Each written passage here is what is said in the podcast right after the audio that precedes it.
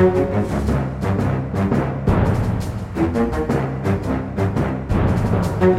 lyd her nå fra meg som jeg prater. Skal vi se, Kjetil, jeg tror du må Jeg Et må, et hakk.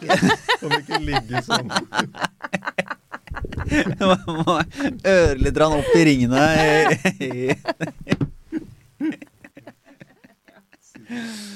Åh, ja, men det er fint. Ja, det er fint. Ja. Åh, da er vi i gang med hva skal vi kalle det, den oppsummerende ekstrapodkasten etter stortingsvalget 2021. Eh, Det er eh, jobbes hardt i, i, eh, i studio her i A55 i Akersgata for å, holde oss våkne, være engasjerte. Men nå er det jo god morgen til de fleste. For oss er klokken halv to når vi starter å spille inn her. Um, god kveld, Sara Sørheim. Hei! Altså, jeg er B-menneske, så for meg er det her helt, eh, egentlig helt greit, faktisk. Det er akkurat nå festen starter. Eh, Ja. Kjetil, eh, du, du måtte løfte deg litt opp i stolen her. Ja, det, det har jo vært en, hva skal jeg si, en, noen intense timer med sånn berg-og-dal-bane rundt sperregrensen og mye annet. Så Men det som nå er det kanskje snart god natt. Ja, det som gjør at vi kanskje er litt seige i avdraget, heter det det? Avtrekkeren. Akkurat nå er at vi akkurat har sett et totalt antiklimaks, nemlig en sånn den der partilederrunden på Stortinget. som jeg av en eller annen grunn liksom går og gleder meg til. Som et sånt ritual. Og hver gang tenker sånn Å, fytti, det her er altså så kjedelig. For fram til da så var dette her en riktig spennende eh, valgnatt, valgkveld og valgnatt med utrolig varierende resultater pga. dramaet rundt sperregrensa. Så jeg skal hente tilbake den entusiasmen. Men det er ganske tøft Jeg har ha hørt ni partiledere mumle liksom halvveis umotiverte ikke-svar. Ja, ikke sant? Og vi, og vi er jo altså, gode venner og gode kollegaer i NRK. eh, all ære. Men nå har vi Altså, de har stjålet Trine Eilertsen, Det er Altså, også sant. som er et nederlag. Altså, jeg, jeg tror Jeg nekter å tro at eh, dealen var at hun skulle sitte der til klokka to. Men nå har vi henne på skjermen i et sånn NRK-program som har gått over til å bli en sånn sakte-TV-variant. Som jeg tror Altså, jeg tror de kommer til Det er litt sånn Skal Valgnatt minutt for minutt. Ja! Og det, de bare varer og varer, og du trodde det var slutt. Og så setter de opp til eh, sykehuslista i Finnmark, og så er det ned til Arendal og Jongelius. Og det er bare nytt. Og eh, Trine Eilertsen eh, sitter der eh, pliktoppfyllende i studio. Eh, og, og skulle nok helt sikkert eh, gjerne vært med oss, men vi får bare eh, banke på. Det har vart lenge denne valgkvelden. Eh, bare for å gi det eh, lille Men, men altså ja. lenge, på en måte lenge, men på andre siden så var jo det at det blir en ny regjering, det var jo klart med en gang. Mm. Det, det er jo tross alt et av de store spørsmålene i dette valget. Og det har jo egentlig vært klart strengt tatt eh, veldig, veldig veldig lenge. Det skulle jo, som Erna Solberg selv sa, et mirakel til for å endre det, akkurat det bildet. Eh, så det er helt riktig. Men det har jo, ja, for så vidt også ble det klart ganske tidlig at de tre rød-grønne partiene kom til å få flertall, selv om det tok litt lengre tid. Så det store dramaet har jo vært sperregrensesituasjonen og hvem som havnet over og under. Men på et eller annet tidspunkt i kveld så ble det ganske klart at det uansett, uansett ikke kom til å påvirke verken uh, hvem som skulle danne regjering, eller da om de tre fikk flertall alene. Mm. Så sånn sett så er vi ganske tidlig konkludert i år. Det har jo vært uh, valg tidligere hvor man har sittet og måttet vente til dagen etter. før Ikke sant. Og eh, hva skal jeg si, eh, kveldens eh, konge, Jonas Gahr Støre. Altså overraskende tydelig vinner, er det ikke det? Jo, jo fordi vi så, har jo sett på målingene lenge at uh, det til Altså det lå an til et nytt flertall, men Arbeiderpartiet så jo ut til å bli så svakt inn i det flertallet. Nå, nå har de greid å komme seg nærmere De går jo fortsatt tilbake fra valget for 2017, men det er ikke sånn veldig dramatisk. Og de er så markert mye større enn Senterpartiet. Og de er større enn Senterpartiet og SV til sammen. Så det gir et helt annet utgangspunkt for Arbeiderpartiet når det kommer til det å, å finne ut av regjering. Altså, jeg tror Jonas Gahr Støre, hadde- han, da han våkna i morgen Altså så intervjuet av Jonas Gahr Støre på vei eh, til, egentlig til valgvaken. Da. Og det som er litt fascinerende, som eh, kanskje ikke alle som, eh, som er å si, alle vet, er jo at eh, i, vi har vel kanskje snakka om det før også, mediene vi får vite altså prognosen fra Valgdirektoratet. Den får jo eh, mediene da eh, klokka halv åtte. Så vi har halvannen time der vi vet på en måte hva man tror blir resultatet, før politikerne får vite det hele tatt. Og da er det jo eh, man, kan få enorme bøter hvis man forteller noen om det, så det må være helt, sånn, helt hemmelig, men gjøre at man skal kunne forberede analyser og, og se litt hva som, hva som skjer. Eh, og da mens man på en måte vet og sitter og har de tallene sjøl, om at liksom, ja, men Jonas Gahr Støre, dette her går jo veien. Altså eh, prognosen helt fra tidlig var jo veldig positiv for Støre. Men han var så nervøs på vei inn i den valgvaka og ble intervjua og bare lurte på hvordan det her skulle være. Men i sine liksom, eh, drømmer på morgenkvisten der, så tror jeg han hadde vært superfornøyd med å bare gå tilbake et eh, drøyt Ja, ja. prosentpoeng fra 2017-valget. Få et eh, solid eh, Senterparti, et, eh, et eh, trygt, om ikke så spektakulært, litt kanskje skuffende SV, men et, en mulighet for å danne da en, en flertalls rød-grønn regjering. Støre sa det sjøl opptil flere ganger, eh, både i talen på Vaka og i debatten, at de har ligget veldig lavt. Og tallene i vinter de var liksom rundt 20. De lurer på om de var til og med under 20 på tidspunkt, kan det stemme? Ja, så det var jo et tidspunkt i sånn januar-februar der man begynte å diskutere må han gå, må Jonas Gahr Støre gå av som eh, partileder denne våren for at de kan- få en annen kandidat. Så, det, så dypt nede var det jo. Og da er det klart at eh, selv om du har eh, 2017-valg å sammenligne med, så er det liksom i- følelsen, altså forventningene, og om du slår forventningene eller ikke, blir veldig sånn tydelig på valgnatta. Eh, og det må vi si at Arbeiderpartiet har gjort. Eh, og endelig blir det sant, eller ble det sant, det liksom sånne som oss pleier å si, nemlig at Arbeiderpartiet har en tendens til å liksom komme litt på slutten. Den der berømmelige liksom eh, Valgkampmaskineriet Valgkampmaskineri og ja, greiene der. ja, det ja. der. Som virkelig har krakelert litt eh, de siste årene og er på en måte ikke helt slått til. Så kan det virke som nå at noe har, noe har skjedd de siste dagene. Og jeg har jo mine tanker om hva det kan ha vært. Eh, det får vi se da når vi får se litt mer på tallene. Men det kan jo virke som om, som om Arbeiderpartiet har klart å hente noen av de gode, gamle lilla-velgerne kanskje tilbake. Eller andre som har endt opp med Arbeiderpartiet eh, fordi man har sett rundt seg og sett at det vil uansett gå den veien. Og, og kanskje det å liksom trygge et sterkt Arbeiderparti kan ha vært en slags sånn effekt som har slått inn, da, hvor de har henta inn noen ekstra velgere. Men eh, vi får se. Men det er i hvert fall en sånn, sånn sett, en opptur for han i kveld, og for hele partiet. Og klart størst. Altså, eh, må si, eh, grunnen til at det også var klart veldig tidlig at det ble skifte, var fordi Høyre eh, ikke overraska positivt, for å si det sånn. Altså, de hadde ikke, det, var det var ikke noe sånn ekstra på lur der så, som, eh, som gjorde at de var veldig veldig sterke. Da, da prognosene først kom, så lå de jo godt under 20 eh, prosent, og det, det har det jo kommet seg over.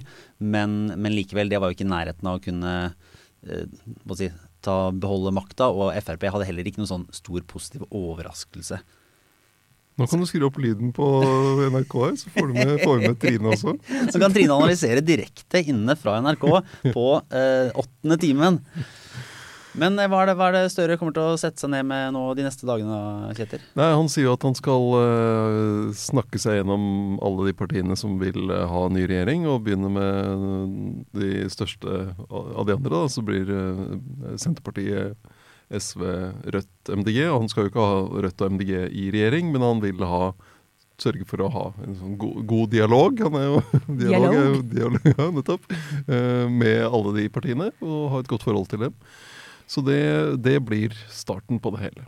Og så er det jo interessant å se eh, Bjørnar Moxnes eh, var jo offensiv på denne ellers grusomt kjedelige partilederrunden nå i kveld, og var tydelig på at jeg vil gjerne jeg, vi, vi vil gjerne ha en avtale. Vi vil gjerne snakke med dere.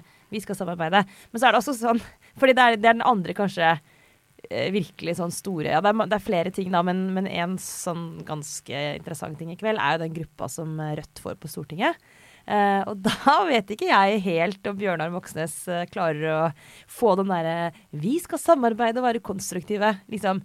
Med i hele gruppa. Det skal bli spennende å se liksom, hvilken innstilling de kommer i. For det er jo, det er jo et kjemperesultat for dem. Men det, er det, det som er irriterende for Rødt, da, er jo at de gjør det, gjør det veldig veldig godt. eh, får inn en stor gruppe, eh, rekordstort. Eh, men sånn som det ser ut nå, så er det jo ikke avgjørende på noe som helst eh, plan for å få en regjering opp og gå. Altså, de, de, trengs ikke. Så dermed så må de jo på en måte finne en balanse mellom å spille på lag og, og komme inn i prosessen, men samtidig være et, eh, være et opposisjonsparti.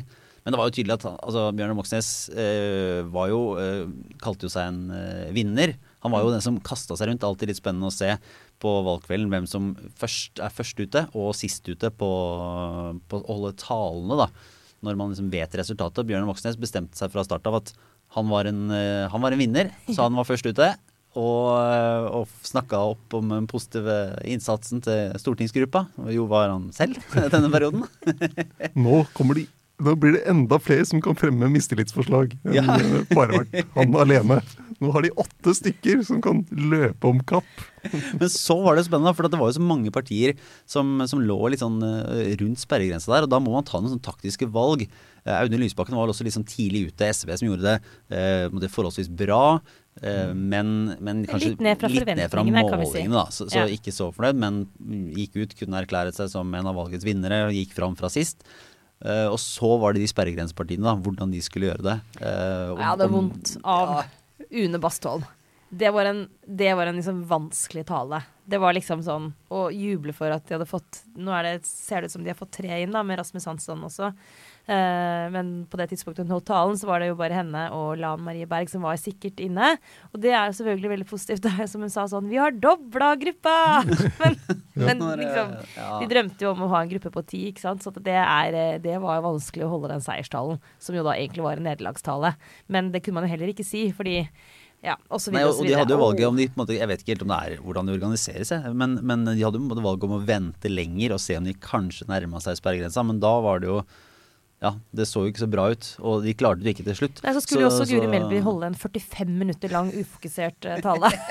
Men Guri Melby, det er forskjellen da på 3,8 eh, og, eh, og 4,2, eller hva det er for noe. Kjell Ingolf Ropstad fikk jo sin egen variant på, på 3,8, der brannalarmen gikk. Antageligvis en eller annen barmhjertig rådgiver som bare sørga for at nå kobler vi ut dette her. Og, og avslutter. Mens Guri Melby var jo altså, all, er altså Gratulerer, kom seg over sperregrensa. Eh, var jo høy på livet. Det var jo eh, Men tenk på det partiet. da, Det hadde ligget på målingene under sperregrensen i altså, jeg, vet ikke, jeg husker ikke når de var sånn stabilt over. Det er snakker om et par-tre år. altså. Og så greier de å dra det i land og til og med gå bitte litt frem fra 2017-valget. Da skjønner jeg at eh, Og hun da som fersk leder i et parti der det har vært litt av hvert i, i de siste par årene. Jeg skjønner at du har mye på hjertet. ja, Og det er interessant, fordi vi snakka om det i forrige uke, men hva det skyldes at Venstre fikk dette til, det mm, kan Altså, her er dette by-land-spørsmålet ganske relevant, fordi eh, det kan jo vi har ikke- Jeg har ikke rukket å se på detaljene i de ulike mm, eh, byene, men at Venstre liksom har klart å vinne og finne det jeg tør aldri å si grunnfjell i, i, i Venstre-sammenheng. Men altså i hvert fall finne en base da, som denne gangen har valgt å slutte opp om dem, og sørget for at de blir et, et, et parti i opposisjonen å regne med. Og det så vi virkelig ikke Eller som. Guri Melby kalte det, altså en av valgets vinnere. Ja. Som var uh, så vidt over sperregrensa, ut av regjering, uh, men, men likevel godt fornøyd. Så er spørsmålet da om det Nettopp om det på en måte Om dette klimavalget, om, om, om de vant noe av de som MDG ikke klarte å få, da. Eh, om dette her var et klimavalg. Det var det, det snakka vi om i flere ganger i siste uken, egentlig. Og trodde at det skulle være så dominerende. Jeg vet ikke helt hva fasiten er på det ennå. Nei, jeg tror um, det, det blir interessant å se den, den store valgundersøkelsen som lages etter hvert valg. Der går de inn og spør hva var det som var viktig eh, for velgerne. Og, og da, da vil de jo se om eh, hvor høyt eh, klima og miljø kommer opp på, på den listen. Eh, og, og så er det jo eh, det, det kan godt være at klima og miljø kommer høyt opp uten at eh, altså Selv om MDG ikke kom dit de ville, og selv om, altså, selv om Venstre går jo ikke veldig mye frem, det er en sånn liten fremgang. Men, men det, det kan jo være at de, at de mener at eh, det, også Høyre og Arbeiderpartiet har altså en, en god nok klimapolitikk. da. At det har vært viktig for dem, men de, de, men de liker den klimapolitikken. De trenger ikke MDGs klimapolitikk for å være opptatt av klima. Og så er det jo tydelig framgang, da, for altså, hvis, du, hvis du regner litt sånn bredt, og jeg tror kanskje for mange eh, måte, klimavelgere, så, så ser man nok liksom hele eh, Venstre, eh, SV, MDG, Rødt altså, de, Det er flere partier som Moxnes nevnte vel ikke klima da han skulle oppsummere hvorfor det hadde gått bra for dem. Nei, men jeg, nå er det kanskje anekdotisk, men jeg, jeg tror mange eh, klimavelgere altså, ser på det som et klimaparti. det er kanskje men- litt sånn eh, byanalyse her, altså, men, Men- eh, jeg tror det du skal- oppfattes sånn av veldig mange. Men hvis du skal ta det, du kan analysere det på en litt annen måte. Altså, Var dette et klimavalg? Eh, Jeg vil si at uh, svaret på det er ja, hvis du ser på det som er skjedd i partiprogrammene Mm. til, uh, til de fleste partiene, så er klimapolitikken strammet til. uh, Hos Høyre, hos Arbeiderpartiet, hos Venstre, Kristelig Folkeparti. Eh, hos SV, eh, og så har du MDG og, og Rødt med litt forskjellig.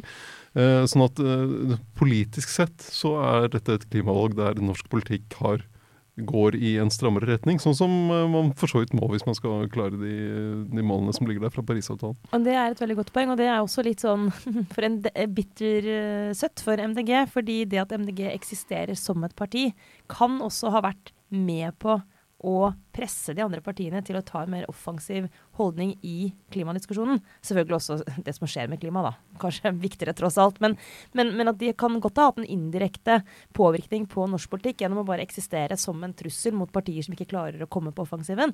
Og at de har dytta eh, politikken i den retningen, men de henter ikke ut gevinsten selv som parti.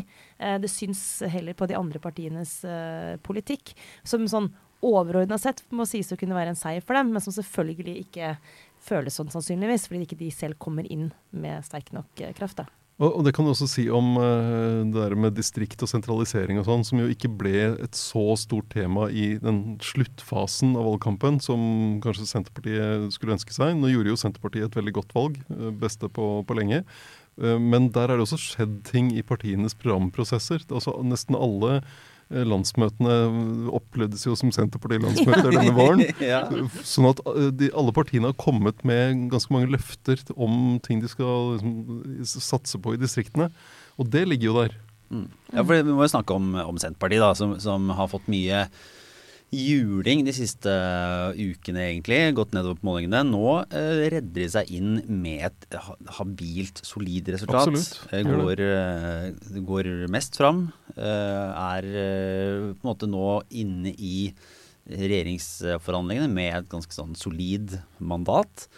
Uh, og en Trygve Slagsvold Vedum som var i, i, i veldig god uh, form. Ja, ja. Han uh, kunne juble for dette her. Og han slo jo menings... Altså snittet av målingene siste uka, par ukene, slo det jo nå med ganske god margin.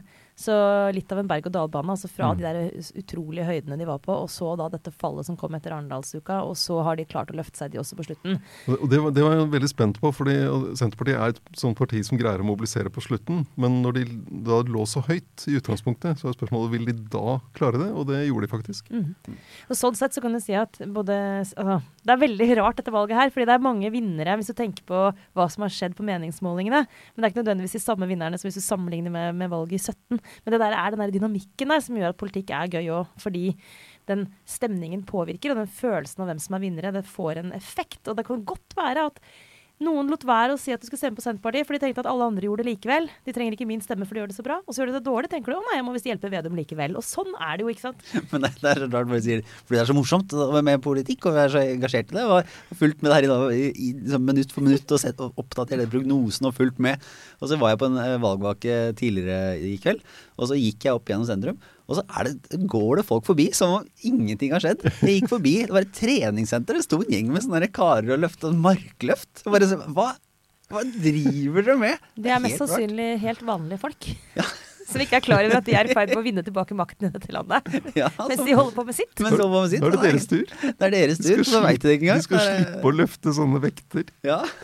Det, er, det, er jo, det som er med oss, De med den sterkeste ryggen skal bære ja. den tyngste børa. Det er de som skal gjøre det. Så de skal gjøre det. Ja. Og så må jeg bare nevne, Vi snakker om liksom, de store linjene her, og hvilke makrotendenser som har spilt inn, og hva er det som på en måte egentlig er bildet. Og det er et klassisk ord. Mangefasettert uh, bilde. Men bare sånn et par ting til. De to store partiene er ikke lenger de to store partiene. Vi begynner å nærme oss en situasjon hvor liksom vi, selv om Arbeiderpartiet gjorde det bedre enn en man kunne forvente, da, så de er fortsatt liksom Kanskje kan få lov til å kalle seg ørnen litt til. Men, eh, men, den oppsplittingen, den er jo helt reell. Um, men så har man også en situasjon hvor man ser at egentlig, nei, var det et miljøvalg? Ja, på en måte var det det. Men det er også interessant å merke seg Rødt og Senterpartiet, som begge, begge gjør det veldig, veldig bra hva er det egentlig et uttrykk for? Uh, i, i, min bok så er det et uttrykk for en slags sånn um, um, Ja, det er, det er, ikke et sånt nødvendigvis Det er ikke et veldig liksom fremoverretta Nå prøver jeg å lete etter ordene her. Altså, det er noe, det er noe ja. dypt konservativt med, med, de to partiene uh, som jeg bare syns er interessant at slår så tydelig inn, og som, uh, og som liksom tydeligvis har en viss appell. Og jeg bare skjønner ikke helt, i mitt hode, hvorfor akkurat Rødt treffer så utrolig mye bedre enn MDG. Så der ligger det et eller annet som vi må forske litt mer i. Når vi ser på en måte hva er det med Rødt og Senterpartiet som har denne appellen. Fordi de to partiene, på tross av hvordan de bare tydelig uttrykker overfor hverandre at de slett ikke vil ha noe som helst med hverandre å gjøre, så er det noe med de to partiene som likevel Det er et slektskap der som jeg synes er interessant. Men eh, for å, før vi runder av eh, Senterpartiet, da, som, som, da gjør det bedre enn det de siste målingene egentlig viste. Eh, SV, som gjorde det litt dårligere enn de siste målingene viste. Hva, hva tror vi det peker fram mot når det gjelder regjeringsforhandlingene? Har Senterpartiet De var jo ikke så veldig mye tydeligere hva skal jeg si, Anne Beate Svinnereim, ene nestlederen, var ute og sa at du burde holde døra åpne for SV. Hun har prøvd å holde den døra Hun har prøvd å holde den døra lenge. Ola Borten, men Ola Borten Moe var ute og prøvde å lukke den igjen, som, som han, han også har gjort med. hele veien. Eh, og Trygve Slagsvold Vedum eh, var like unnvikende som han egentlig har vært. Men går det likevel går det an å spå noe i liksom kaffegruten på, på hvordan de regjeringsforhandlingene vil kunne gå? Eller sonderingene, da, som man typisk begynner med? Eh, det er i hvert fall opplagt at eh, Vedum ikke vil gi fra seg noen kort, bortsett fra at han måtte jo innrømme at det er ikke han som blir statsminister Nei, ja. i Norge, som vi er så glad i etter dette valget. Det, det, det, så han også, så det var så greit å få lagt til side. Men eh, andre ting det gir de ikke før de sitter og får noe annet igjen. Skal bare En annen liten ting. Som, som det ser ut nå da, på, på natta, så er det jo faktisk mulig for Arbeiderpartiet og Senterpartiet å få et flertall sammen med Venstre og KrF. Jeg vet ikke helt hva det kan brukes til, men det fins jo et pressmiddel der overfor den liksom større venstresida, da som eh, det kan være spennende å se om blir brukt i det hele tatt. Det hørtes ikke sånn ut på Støre i, i denne partilederrunden. Så sa han jo at uh, han ville finne flertall på på den, den siden som nå jo, ja, ønsker ja, ja, regjering? Jeg tror regjeringsspørsmålet er nok helt, eh, helt men, ja, solid, men liksom i en sånn uh, i, I, et fleksibilitetsperspektiv uh, på litt sånn lengre sikt. Men, men, det er masse spennende her. da. Hva med SV som skal inn, uh, og så skal de ha et sterkt rødt utenfor, som sånn 24-7 skal drive og hakke på dem for å ikke gjøre nok mot ulikhet. Mm. Og så skal de ha nå tre fra MDG og et venstre over sperregrensen som skal plage dem på at de ikke er offensive nok på klima. Det skal bli interessante tider. Og vi har også et eh, Frp som tross alt gjør det litt bedre enn frykta. Altså, eh, det er fortsatt en kraft å regne med i norsk politikk. Men et veldig dårlig valg, da. Ja, er, lenge det, siden det er, de gjorde det så dårlig. Jo, men i denne, i denne, sammenhengen så kan du faktisk si at du kan på en måte få en opposisjon på Stortinget hvor du har Frp på den ene siden og Rødt på den andre siden, uten sammenligning for øvrig. Men, men du har en sånn Det er en helt annen dynamikk i den opposisjonen enn vi har sett tidligere i Stortinget. At du har et parti ganske godt og grundig til venstre og et til høyre, som begge skal ha som hovedoppgave å plukke fra hverandre regjeringens politikk, og som ikke er så veldig veldig, veldig opptatt av liksom hashtag-helheten, uh, som skal kjempe for sine enkeltsaker. Så det kan bli en sånn um, det kan bli en interessant dynamikk, særlig hvis man skulle sett for seg en mindretallsregjering. Nå har jeg mine tvil, da. Jeg tenker at uh, Senterpartiet, de, er det én ting de er gode på, så er det jo Eh, inngå avtaler og sørge for å få gjennom sakene sine, og så søker de makt. Så jeg bare gjetter at det skal nok være mulig å finne en løsning med, med, SV likevel for å få til en flertallsregjering. Men vi får se hvordan det spiller seg ut, da. Men uansett, dynamikken der på Stortinget blir jo litt ny og forfriskende, kan vi kanskje si, i de neste fire årene. Og så er det lang tid med mm. fire år, Lars. Så akkurat nå er det helt uaktuelt å se over den uh, blokkgrensa. Uh, det er ingenting som tyder på at Støre har tenkt den tanken. Plutselig. Men plutselig så går han lei. Jeg vet ja. ikke. Nei, men uh, jeg tror vi runder av. Det blir mye spenning for oss som ikke står og løfter vekter sånn halv tolv på en, på en mandag kveld, men heller følger med på sperregrensa. Og... Oppe klokken to om natten og snakker om Sperregrensa. Ja. Åh, nei, men vi er tilbake på torsdag med Trine Eilertsen. da er hun vel så vidt uh, da hun sånn, uh, tillatt og fått på perm fra det studioet som hun nå er låst inne på på Marienlyst. Vi ser om hun slipper ut i en times tid på torsdag for å, uh, for å snakke litt med oss. Uh, hvis ikke så går det sikkert an å følge henne minutt for minutt gjennom de neste dagene og døgnene også. men det var det, var det for valget denne gang, og så er vi snart tilbake. takk for oss til Vaftpodden.